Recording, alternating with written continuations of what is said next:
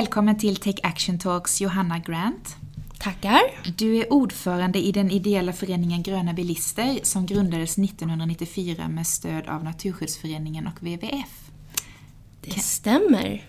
Vill du berätta lite mer om vad Gröna Bilister är? Ja, vi är lite äldre än en 20-åring nu och vi grundades, det var Per Kågesson som på den tiden ville ha en förening för den ansvarsfulla bilisten som värnade om bilens frihet men fick dåligt samvete av att tanka fossilt och den här känslan av att man kan vara ansvarsfull fast man kör bil. Och det var så föreningen grundades och också för att vara en motpol kanske till de mer svarta bilintressena.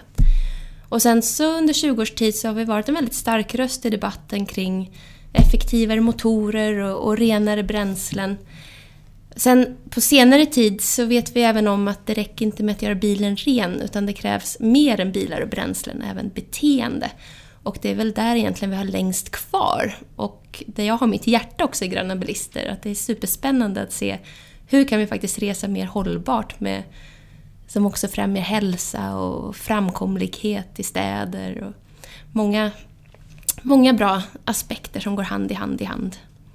Har du exempel på det, hur vi skulle kunna eh, resa mer hållbart? Ja, man får först och främst skilja på städer och landsbygd.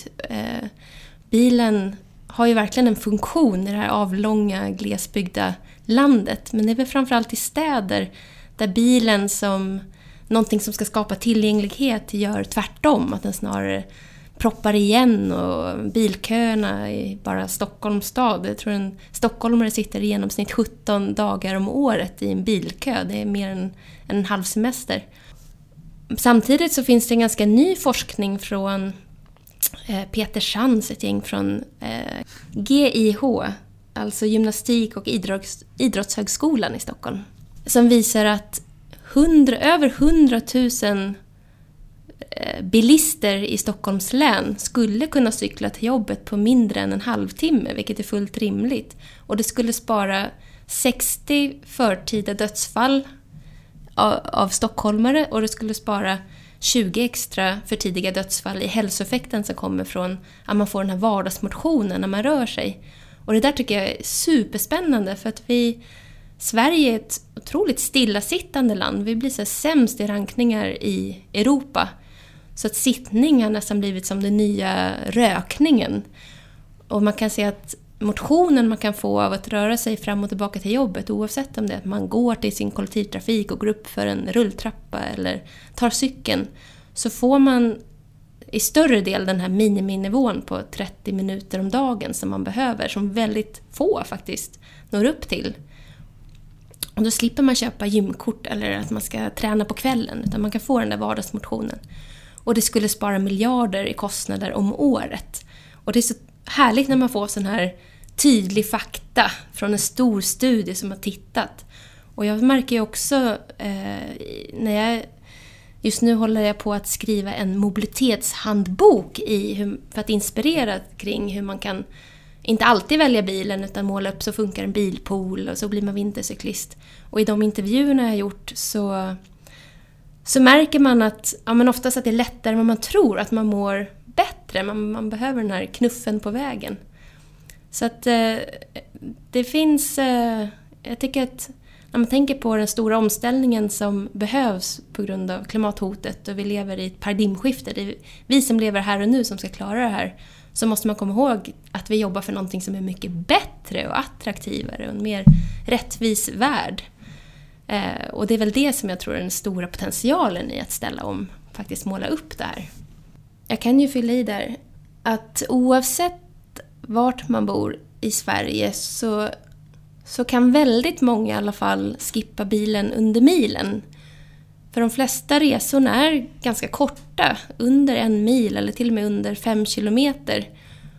Och eh, det som är så bekvämt att ha bil, det är just att den står där och den tar en från A till B om man inte bor i en tätort eller stad. då blir det, det är ett fantastiskt redskap som gör att man kan förflytta sig. Som gör att eh, man kanske har svårt att, att, att, tänka, men vad ska jag, hur ska jag ta mig fram annars? Fem kilometer eller en mil.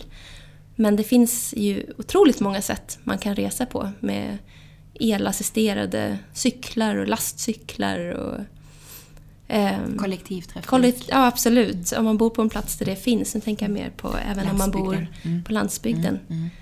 Mm. Um, så att uh, jag tror att, jag brukar prata om att vi måste främja att fler blir mobilister.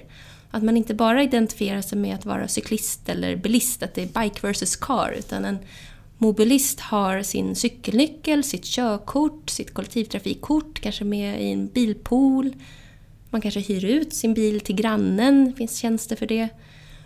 Um, och på, på, så sätt så får man en palett av lösningar som kan göra vardagspusslet väldigt bekvämt ändå. Och som också kommer med de här fördelarna att ofta så kanske man sparar pengar och eh, får sin, sina 30 minuter om dagen.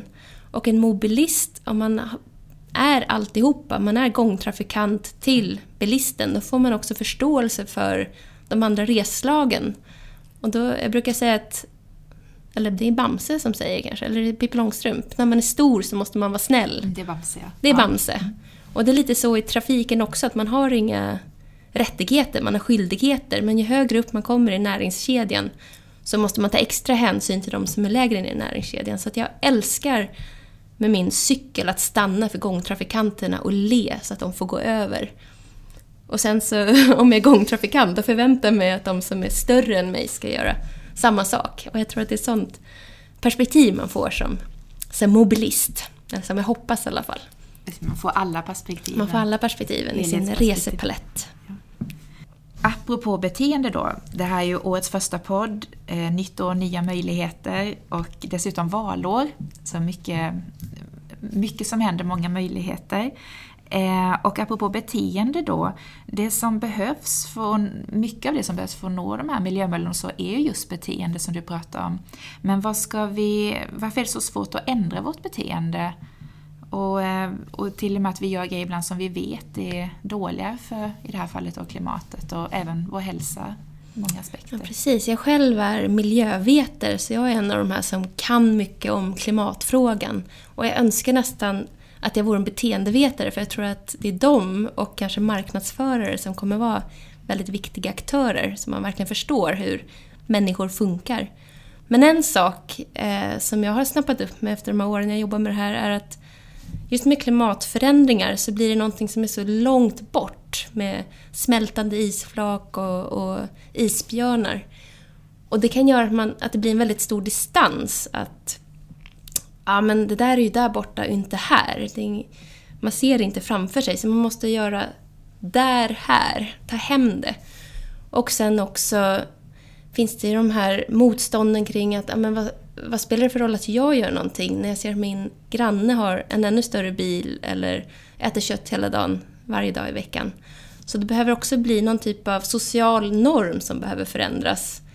Ehm, och det tror jag att jag, jag tror att det är väldigt ehm, viktigt med budskapen som vi matas av kring hållbar utveckling och vart vi ska. Att det inte bara är de här domedag utan faktiskt någonting som gör livet lättare. Jag tycker det är väldigt spännande med med solpanelsrevolutionen att där är ju mycket grannskapseffekten. Att en granne sätter upp och är så stolt och pratar om hur mycket pengar man sparar och så sprider det sig på det sättet. Och jag tror att man kan applicera det på många områden. Men sen så tänker jag också, jag var inne på det tidigare, att, och särskilt nu när jag är så marinerad i hållbart resande mobilitet, jag sitter och skriver den här skriften, så handlar väldigt mycket om att vi är bekvämlighetsdjur. Det är minsta motståndets lag som gäller. Om någonting blir lite jobbigare, lite svårare, så kanske det är svårare att ta klivet. Och där tror jag att bekvämligheten, det är dels den största utmaningen, men också där de största möjligheterna ligger. Eh, I mitt vanliga jobb, för jag jobbar ideellt med Gröna Blister, så så jobbar jag med klimatfrågan utifrån ett företagsperspektiv där jag har förmånen att få jobba med Max Hamburgare. Och deras största insats som de gör är att göra gröna burgare ännu godare och läckrare än röda burgare. Och jag tror att det är så det behöver vara med alternativen. Att det blir lite Tesla-effekt. Att en elbil inte som det var för... Det fanns elbilar, ja, de har funnits väldigt länge egentligen, men på 90-talet när Gröna Blister började, då var det någonting väldigt obskyrt och någonting för en väldigt smal eh, målgrupp. målgrupp som är, var väldigt miljönördiga kanske. Men så kom Tesla och gjorde någonting som var liksom ett vrålåk för den mer eh, välställda målgruppen. Och miljö var någonting vid sidan av. Så jag tror om vi ska ändra beteende för en bred massa då måste bekvämligheten och coolheten och lusten vara det som, som är kommunikationen. Inte att åk buss för att det är bra för miljön, för sånt där vet vi redan. Vi vet att det är bättre för miljön, plånboken, hälsa, men det gör ändå att vi, vi väljer bilen eller att vi äter köttbiten fast vi vet att grönt är bättre. Så att eh, mycket ligger nog där och då är det dels, jag tror jag var inne på beteendevetenskapen, men jag tror också att marknadsföringen är otroligt viktig. Tänk, tänk om Zlatan satt på en buss eller en elcykel istället för i, i bilen som han gör. Och eh, väldigt mycket bilreklam, där finns ju mycket resurser att göra reklam. Då är det oftast alpvägen, det är tyst och det är coolt. Liksom. Det är inte en trängsel i rusningstrafik i stan när man sitter och frustrerad. Men det finns inga alternativ till den typen av reklam när det kommer till alternativen. Någonting som väcker känslor och, och resonerar med eh, ens inre. Man liksom fäller en tår när man ser reklamen. Utan det är oftast kanske att kommuner anlägger cykelbanor och sen informerar om att nu finns det cykelbanor och cykling är bra. Mm. Så eh, med sådana medel, om kommuner skulle kunna bli mer av coola marknadsförare, då kanske det krävs lite andra samarbeten. Och också att kommunikationen generellt spelar på de strängarna som faktiskt väcker känslor. Så att man ändrar den här uppfattningen om att eh, moraliserande och man får dåligt samvete och det är någonting som är långt mm. borta och det gör, gör det någonting om lilla jag bara ändrar mig och så man gör faktiskt skillnad och, och både för sig själv och miljön och, och till något bättre. Man ja. ger inte upp något utan eh, Nej, precis. Så att det kanske blir en, en social mm. grej också. Mm. Att man är med i en social community nästan. Att man känner att man är del av ett sammanhang. Ja precis, både nationellt och världen tänker jag. Det blir ju, vi måste ju börja någonstans och vi börjar här i Sverige och sen ske på ett globalt plan. Att få hela världen att gå med, vara med i den här sociala nya eran. Ja, jag tycker det är spännande där. Parisavtalet har ju verkligen lett till att det blivit en, en inriktning mm. och en, en bild av att hållbar utveckling och ekonomi går hand i hand, vilket mm. det har varit... Eh, ja, mm. det där har varit eh, liksom stora tröskeln har varit bland länderna. Och det har ju visat sig att förnybart är mer lönsamt än att investera i fossilt. Mm. Så den här globala inriktningen tycker jag är jättespännande att se att den finns nu och jag tycker det är superspännande att dels vi som lever nu, det är vi som ska lösa det här. Vi har all informationen som finns och vi vet att vi är de första, liksom, som både Obama och Rockström alla sagt, att vi är den första generationen som faktiskt märker av effekterna av klimatförändringar. Mm. Och vi är den sista som kan göra någonting åt det. Mm. Men att vi lever i en sån otroligt spännande tid och innovativ tid där man kan skriva ut bil, eller delar till en bil med en 3D-printer eller skriva ut sina egna kläder. Det är sådana här saker som man... är fantasy. Ja, precis. Så att det pågår ju en revolution som Absolut. kanske... Har ju verkligen påbörjats redan. Men att eh, det ändå är, det är ju ett steg kvar. Ja. Och, ehm, och verkligen att det blir på riktigt, både på nationell nivå och globalt. Men när man pratar så här Parisavtalet allt känns det ju nästan kanske mer verkligt globalt än ja. nationellt på vissa nivåer. Och jag tror också att världen är i väldigt stort behov av ledare som mm. kliver in nu, särskilt när Trump lämnade Parisavtalet. Mm och kan sätta exempel. Och det tycker jag att Sverige, alltså vilket välfärdsland vi är, vi har ju alla möjligheter. Jag kan själv tycka ibland att, att jag är lyckligt lottad att vara född kvinna i den här tiden, i det här landet. Hade jag fötts i en annan tid i ett annat land så kanske jag inte alls skulle haft samma möjligheter och, och, att kunna självförverkliga mig själv som jag gör idag. Och det gäller inte mig, det gäller många. Så att vi har hela den här grundtryggheten och vi har kunskap och vi har mycket tekniska lösningar. Så jag tänker om, om inte vi klarar det här, vilka klarar vi då? Och vad häftigt att kunna vara den här eh, sätta goda exemplet som får andra att ta efter. Som Norge som eh, går mot alla liksom, bilden av vart elbilar ska funka. Att de kör stenhårt på det fast de är ett kallt nordiskt land som är helt kuperat. Liksom. De bara slår hål på det och så tittar alla på dem. Så att... Um, det gäller bara, det är väl det här att... Um, jag, jag, vet att svenskar, många känner oro för klimatförändringar och man... Vi gör själva studier, man vill handla företag som visar att man tar klimatansvar och unga eh, vill gärna jobba på ställen där det är tydligt att man tar ansvar. Men samtidigt är det någon, något glapp för många i vardagen till att eh, ställa, om. ställa om och leva som man kanske vet. ja, men den här beteendet. Ja, men jag precis. tänker också apropå kvinna och omställning och allt. Alltså den här metoo-kampanjen som är jättestor nu och globalt också och även i Sverige. Det visar ju verkligen på, förhoppningsvis kommer det vara ett ett skifte i socialt beteende, alltså beteendeförändring. Och att det visar ju att det går på så kort tid och får så stor uppmärksamhet och att vi ska hoppas verkligen att det leder till förändring nu också. Och att det ger förhoppning, tänker jag, när man har jobbat så länge med klimatfrågor, man väntar på den här liksom, nu händer det, ja. nu ställer vi om. Att det, att det faktiskt går och att eh, man blir uppmärksammad, eh, att det blir uppmärksammat och man få den här vi vill och så ställer alla om ja, samtidigt. Häftigt att vara med om den här mm.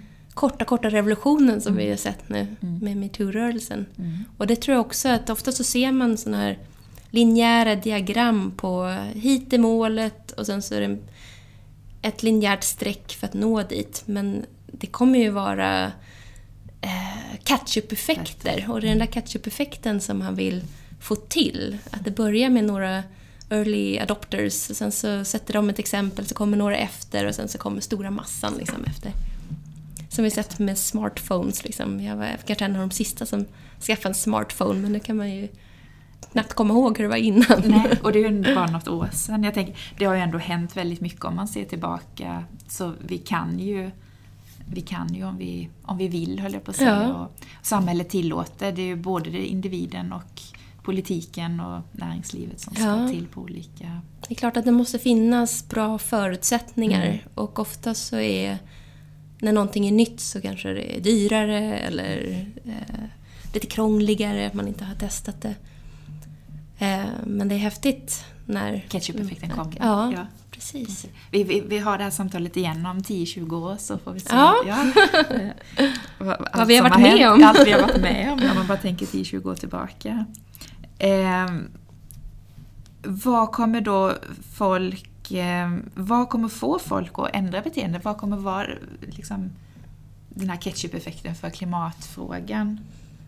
Ja, det är ju spännande. I mitt område med gröna bilister så, så ser man ju dels ett väldigt... Det är lite som, eh, som två parallella spår. Att man ser väldigt mycket som händer i eh, teknikutvecklingen när det kommer till bilar. Det är otroligt innovation i det här området, men också kring tjänster som kopplar ihop olika sätt att resa. Det kallas för Mobility as a Service, MAS. Där resande kanske blir som Netflix, att man prenumererar på olika färdsätt. Jag ska från A till B, sen ska jag till C till D och så är det någon som kopplar ihop det där. Det kommer komma komma, eller det är liksom startgroparna, att det blir som ett Netflix för resande. Elbilarna är det otroligt mycket fokus på. Det är någonting som eh, tilltalar en väldigt bred massa. Det, det, kan nästan bli ett ensidigt fokus på elbilen också, men samtidigt är det ju en, en fantastisk, även där, revolution som har en enorm potential att faktiskt göra en, ett problem. I Sverige så om man bortser från de konsumtionsbaserade utsläppen, att vi köper så mycket i Sverige, mm. så, så är trans, framförallt vägtrafiken den största utsläppskällan. Men med elbilar så har, finns det potential att faktiskt göra bilen inte bara energieffektiv och ren utan även tyst till en viss hastighetsgräns. Då. Det blir alltid ett ljud eh, som kan gynna tätorter eller sådana saker. Så nu minns jag knappt vad frågan var här. Att vad kan hända... Eh, vad som kommer få folk att... Vad eh, kommer få folk att ändra? Jag tror också att det kommer kanske inte bara hända av sig själv att det är en plötsligt en teknisk revolution. Men eh, det behövs också styrmedel som leder oss hit. Eh, det går nästan lite inflation i begreppet lätt att göra rätt. Och det mycket handlar om att det måste vara lätt att göra rätt. Mm.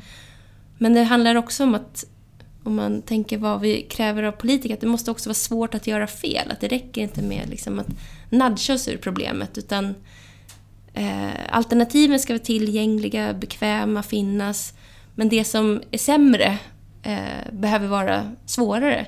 Så i fallet med hur vi reser, och som jag var inne på med att så länge någonting är bekvämt så är det det som vi kommer premiera. Så det handlar mycket om, framförallt i städer där det är en, en eh, kamp om, alltså det är en, en dyrbar, yta är väldigt dyrbart och städer förtätas, det är fler som flyttar in. Så blir det en fråga i slutändan, vad ska få plats i den här staden? Där till exempel när man bygger städer nu, då har en bil ett eh, förutbestämt en förutbestämd plats mm. i form av parkeringstal. Så man bygger så ser man hur många ska bo här, så många bilar behöver de och så sätter man. Men andra värden som är viktiga i ett samhälle, till exempel barns eh, plats till lek eller möjlighet att eh, få gå till ett grönområde eller ytor där vi får mötas. Det har inte samma sånt där mättal.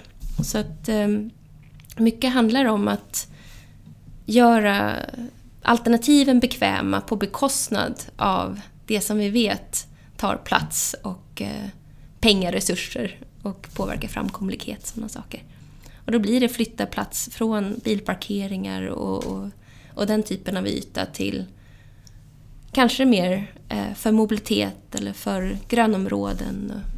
Det känns ju ändå inte som det borde vara så svårt. Alltså jag tänker att alla nya städer som kommer att byggas, att det helt enkelt finns med att vi kommer inte göra så många parkeringsplatser utan det kommer finnas bilpooler, vi kommer bygga ut eh, kollektivtrafiken ännu mer och så vidare. Alltså som i allt nytt som kommer. Det, kän, det känns ju ändå som det borde vara så Nej, svårt. Det borde det, vara väldigt enkelt. Det händer en del på det området också med istället för p-tal så finns det flexibla parkeringstal. Men samtidigt så har bilen varit norm i samhället under 50-60 år, sedan 50-talet. Mm. Vi har byggt för bilen och bygger vi för bilen så får vi också ett bilsamhälle. Och det har varit ganska svårt att bryta på, eh, när det kommer till detaljerna i praktiken och när, när samhällen planeras. Så att även om man ser väldigt eh, tecken på en, en, positiv utveckling där man kanske har eh, bygger för mobilitet i nyområden så är det fortfarande långt kvar eh, tills eh, det blir normen. Och det är det som behövs i det här paradigm, paradigmskiftet. Att vi, det handlar inte om att vi ska sluta åka bil eller att bilen är dålig. Eller, eh, snarare bilen är bra, men det handlar mer om på vilken plats mm. gör den sig till sin rätt och vad gör den sig inte till sin rätt. Och att vi måste planera för, för eh, mobilitet istället för den eget ägda bilen. Mm. Sen så kan ju bilen också, det är inte kanske alltid bilen i sig som vi behöver, utan vi behöver förflyttningen. Och då är det väldigt spännande, och nu pratar jag städer mm, igen, mm. med bilen som tjänst, där det finns också allt från, ja men bilpooler ju, känner ju alla till att det finns, men jag vet inte många som känner till att det finns liksom Airbnb för bilen, att man faktiskt har man en bil som står stilla 23 timmar av dygnet av 24 så kan man hyra ut den till sin granne och så, på så sätt tjäna pengar på den. Eller att, att det finns um, olika appar, flytande bilpooler som man kan uh, ändå få det som bilen, um, dens egenskaper som man har behov av utan att behöva stå, betala hela kostnaden och äga den och ta plats, fysisk plats. Ja, precis. Att man inte behöver tillverka lika många heller för det är ju också det här att tillverka. Men man blir nästan frustrerad när du säger att ja, men vi är byggt för ett bilsamhälle, så när vi bygger nya städer så planeras det fortfarande för bilar. Jag känner att det där borde ju vara den lätta biten att bara utesluta att det inte är lika mycket parkeringsplats. Det, att det känns svårare att fasa ut det i städerna som redan existerar. Ja. Ehm. Nu är inte jag, som sagt, jag är miljövetare så att jag bygger aldrig själv nej, områden. Nej, men när du säger, nej, men när du men, säger att det fortfarande man tänker så, så... Ja, absolut. Jag tycker att det är spännande. Jag har en del landskapsarkitekter runt om mig. Både min syster och hennes man är landskapsarkitekter. Och de får ju se vad som händer mellan husen när man bygger eh, områden. Och man eh, ser framförallt att mycket som var kanske undantag för några år sedan, framförallt när det kommer till förskolegårdar, så har de krympt och blivit mindre och mindre. Och det är mycket hård, hårdgjorda ytor som gummimattor istället för naturliga ytor för att kunna ta att det blir ett större tryck. Så tanken på att de barnen sen ska kanske gå till en park och så.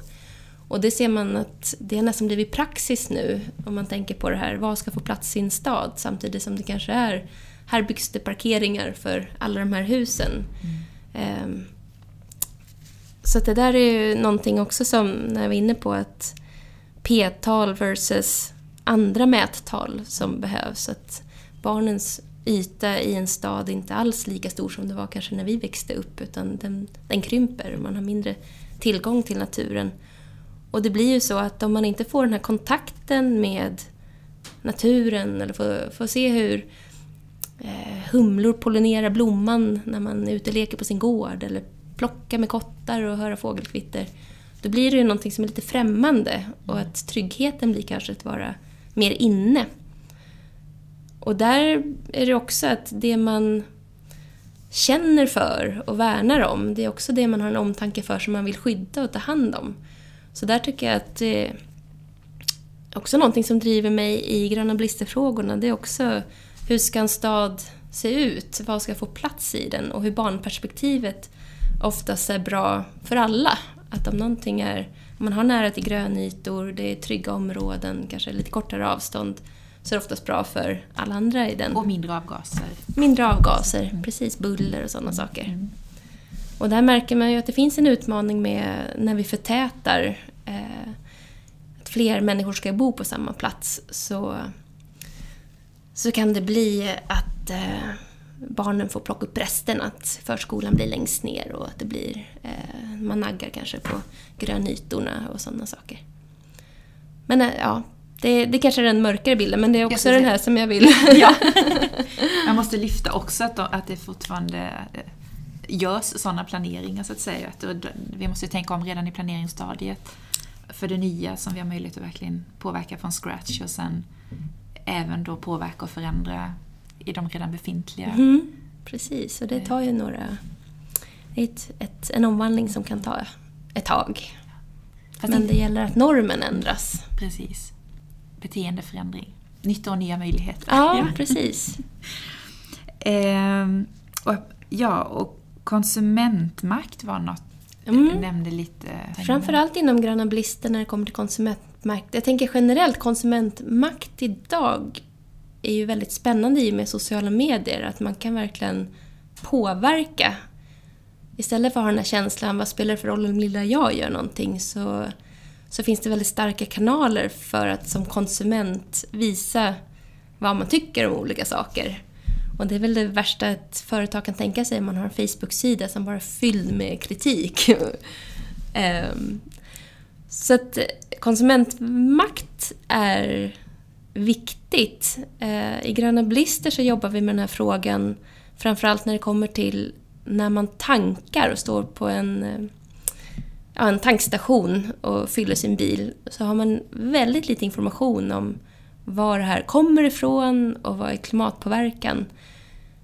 Man vet bara att jag tar, väljer mellan diesel, bensin eller etanol så vet man inte så mycket mer. Men det är otroligt stor skillnad mellan hur olja är producerad till exempel i Ryssland eller Nigeria eller norsk Nordsjöolja jämför man dem, då skulle nästan norsk Nordsjöolja vara ett, ett grönare bränsle jämfört med kanske de andra ställena. Och i Sverige så importerar vi nästan 50 procent från Ryssland i känsliga områden i Sibirien.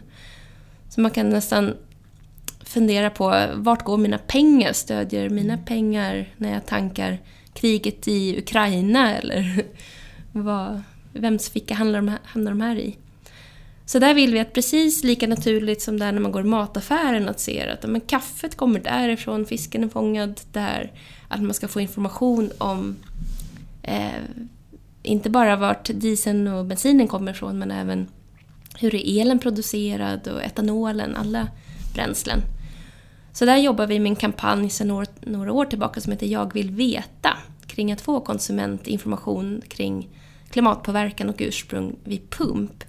Och det här har varit en, en lyckosam kampanj. Vi har dels gjort Novusundersökningar som visar att varannan svensk tycker att det är viktigt och vad var det här nu? Tio, nej, sju av tio skulle faktiskt göra ett annat val om man fick informationen och också att alternativen var likvärdiga. Då handlar det om prislappen också såklart. Mm. Och nu så efter påtryckningar och enträget arbete så är det här någonting som nu eh, läggs fram ett förslag från regeringen med syfte att kunna införa det. Så det, vi vet fortfarande inte alla detaljerna men att få konsumentmakten, få den här informationen kanske inte leder till att man direkt byter till ett annat eh, bränsle men nästa gång man, man ska köpa en bil så kanske man gör det valet. Eller att man ser att olika drivmedelsbolag är olika bra på att eh, blanda in biobränslen till exempel i det fossila och eh, man kanske blir mindre trogen sin gamla mack och väljer den som, som har mer förnybart. Och så kan det ju ge eh, möjlighet att kanske certifiera olika bransch, eh, eh bränslen, att man får en, någon typ av liten märkning eller det finns idag bra miljöval och svanenmärkningar och sådana saker som kan guida ytterligare. Så det blir spännande. Jag tror inte konsumentmakten kommer att lösa allt, men det är en, i det här fallet en outnyttjad potential som tillsammans med andra eh, styrmedel, priset är ju alltid viktigt, men också få information, var kommer det här ifrån? Så man kan bli en medveten bilist på det sättet när man tankar. Tänker konsumentmakt, det är ju inom alla branscher, man har ju verkligen rätt som konsument att gå in på ett företag och fråga hej, var kommer den här datorn ifrån, den här jeansen ifrån? Eller att, att faktiskt ställa de kraven och på så vis ha en väldigt stor... Och som du säger, man vill ju inte vara ett företag som har massa negativa eh, kommentarer i sina sociala flöden. Nej, precis. Och i val också så är det ju konsumenten, höll säga, men väljarna mm. som, som väljer. Ehm, och det är ju val i år. Har du några, har du några specifika vallöften du skulle vilja höra från politikerna? Jag tycker det är superspännande att det inte bara nytt år och valår utan första januari 2018 så införlivas även det här klimatpolitiska ramverket mm. som innehåller klimatlagen bland annat. Att 2045 så ska Sverige ha noll nettoutsläpp och sen ska vi ha det som kallas för negativa utsläpp, att det är mer upptag än utsläpp. Och det här hoppas jag kommer att genomsyra olika partiers valkampanjer. För det som är starkt med det här det är att det är en sjupartiöverenskommelse. Mm. Det är egentligen bara så, äh, Sverigedemokraterna som röstade emot. Um, och då hoppas jag att, jag förväntar mig i valrörelsen att partierna ska lyfta fram de här frågorna mer. Jag kan känna en frustration varje gång det är valår när man vet att svenskar är väldigt medvetna, att det finns en oro för klimatförändringar. Att miljöfrågorna oftast reduceras till att eh, de vill höja bensinpriset eller hur ser man på kärnkraft? Att det blir väldigt smala frågor där, där kanske de som är förlorarna i omställningen lyfts upp som men vad kommer hända med den? Hur kommer barnfamiljen nu kunna köpa en bil? Eller hur ska den som bor på landet ha råd att köra sin bil till exempel? Så att det finns ju absolut en rad vallöften i sig som, som Gröna Blister vill se när det kommer till våra frågor. Det är allt från hur man hanterar bilpoolers, eh, moms, de har en mycket högre momssats än taxibilar till exempel, till reseavdrag, eh, sådana saker.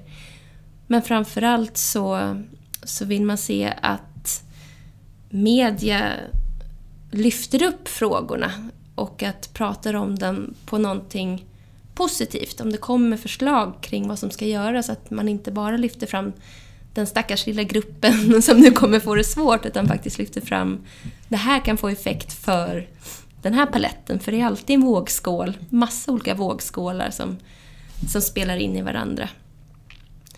Så det hoppas jag. Det här är en sju partiöverenskommelse och eh, alla behöver inte tycka lika men det ger också en riktning för vart vi ska. Att man då också pratar om det i, i det positiva.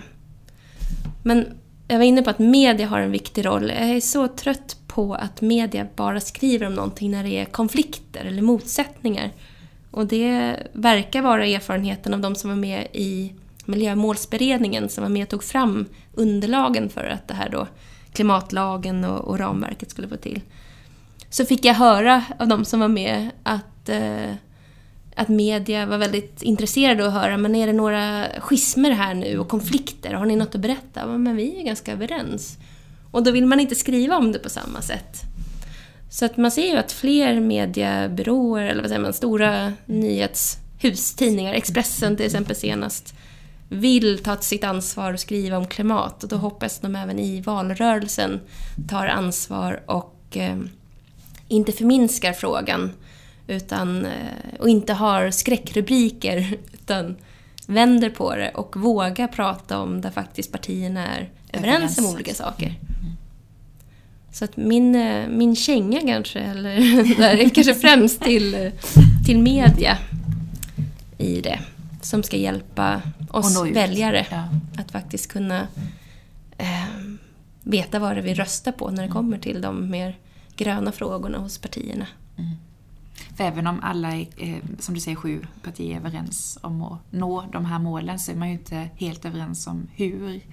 Eh, och, det, och det behöver ju lyftas fram. Och, Absolut. Eh, att, att alla partier faktiskt kommer fram med konkreta, att inte bara här är vi överens utan faktiskt kommer med konkreta förslag. Om ni röstar på oss så är det så här vi kommer att nå ja. dit. Och, mm. och det gillar ju partierna också. Mm. Det är ju toppen att vara eh, o, eller inte vara överens i en fråga för då får de ju debattera och föra fram sina budskap. Så. Det, eller ja, det är ju bra. Det är ju super om man hade varit överens och så här gör vi och så. Ja. Men, men, eh, men bara för att det ska verkligen lyftas upp. För det är ju ingen som har facit vilken exakt den rätta vägen är utan det gäller ju att, mm. att nå dit tillsammans, bara vi når dit. Liksom. Ja, ja precis. Vi är överens om må över målet. Eh, och apropå då vad vi kan göra själva och, eh, eller ja, för att nå målet. Eh, jag brukar alltid avsluta varje podd med vad, och fråga om tips på vad vi själva i vår vardag kan göra för att bidra till en hållbar värld och till mm ändra vårt beteende och en hållbar omställning. Så vad har du för konkreta tips? Alltså jag själv köpte en elcykel i augusti och jag pendlar två mil om dagen. Eh, tycker att det är lite jobbigt att alltid behöva ta med ombyteskläder och duscha på jobbet. Och den här elcykeln har förändrat min, mitt vardagspussel. Dels pendla och dels kan jag koppla en cykelvagn, inte bara forsla barn utan även andra saker som man ska handla och plocka upp. Den kommer till sån nytta. Och nu är det ju drömläge. Dels har det varit årets julklapp. Jag vet inte om någon fick en elcykel av, av någon annan. Det är väldigt generöst i sådana fall. Men sen också finns det ju en premie som gör elcykeln billigare. Man får upp till 10 000. Eh, 25 procent av elcykelns värde för mig att men jag kan säga att vill man göra någonting för sig själv som också har bäring på klimatet så så kan det här vara ett optimalt sätt att skippa bilen under milen som är, ger en frihetskänsla, den står där och väntar på en och man har kontroll över sin tid när man ska cykla. Så det är mitt, framförallt nu, bästa tips. Jag vill att alla ska upptäcka det. Men inte om du redan är en cyklist som, eh, som inte behöver det. Men om du har för vana att ta bilen eller kanske att du sitter i knökfulla bussar eller tunnelbanor stationer eller om du bor på landsbygden också. Så möjliggör den verkligen att skippa bilen under milen och det är jag kan tänka, återgå till det du sa med att vi väljer ofta det som är bekvämast. Nu är ju inte jag i Stockholm så ofta, men när jag är där ibland och man, de, man hör vänner som sitter i bilköer i över timmen emellanåt och mer, då kan jag undra så här, vad är det bekväma med det? Ja. Eh, kan jag undra då, som inte är från storstan. Men, eh, och då tänker jag att elcykel borde väl vara, man borde ju komma hem både snabbare och Ja. hälsosammare och, och på alla Precis, man tar sig från A till B. A och- till B. Och sen är det klart, Sverige är kanske inte det härligaste, eh, har inte det härligaste vädret alla gånger på vintern eller så. Men bara man har utrustningen, det kanske upplevs dyrt i början när man ska köpa en elcykel och cykelhandskar. Jag har inte själv så jätteflashig utrustning. Men man vill ju känna sig varm och trygg och då kanske det är på vintern dubbdäck och lite skydd för kinder och händer och fötter och så. Men sen är det så värt det. Det är en och också om fler flyttar över, för just de här slentrianmässiga, då är ju de som verkligen behöver bilen färdtjänst eller de som inte kan kanske cykla elcykel eller eh, hantverkare som måste komma fram. Då blir det mer framkomlig, framkomliga vägar för dem. Man får känna sig att man gör en liten samhällstjänst om man byter från bilen till elcykeln till exempel. Eller allra helst kanske cykeln om man har möjlighet. har möjlighet. Då hoppas vi många fick årets julklapp Ja. i jul nu. Tack snälla Johanna för att du ville vara med. Tack själv, jättekul! Tack!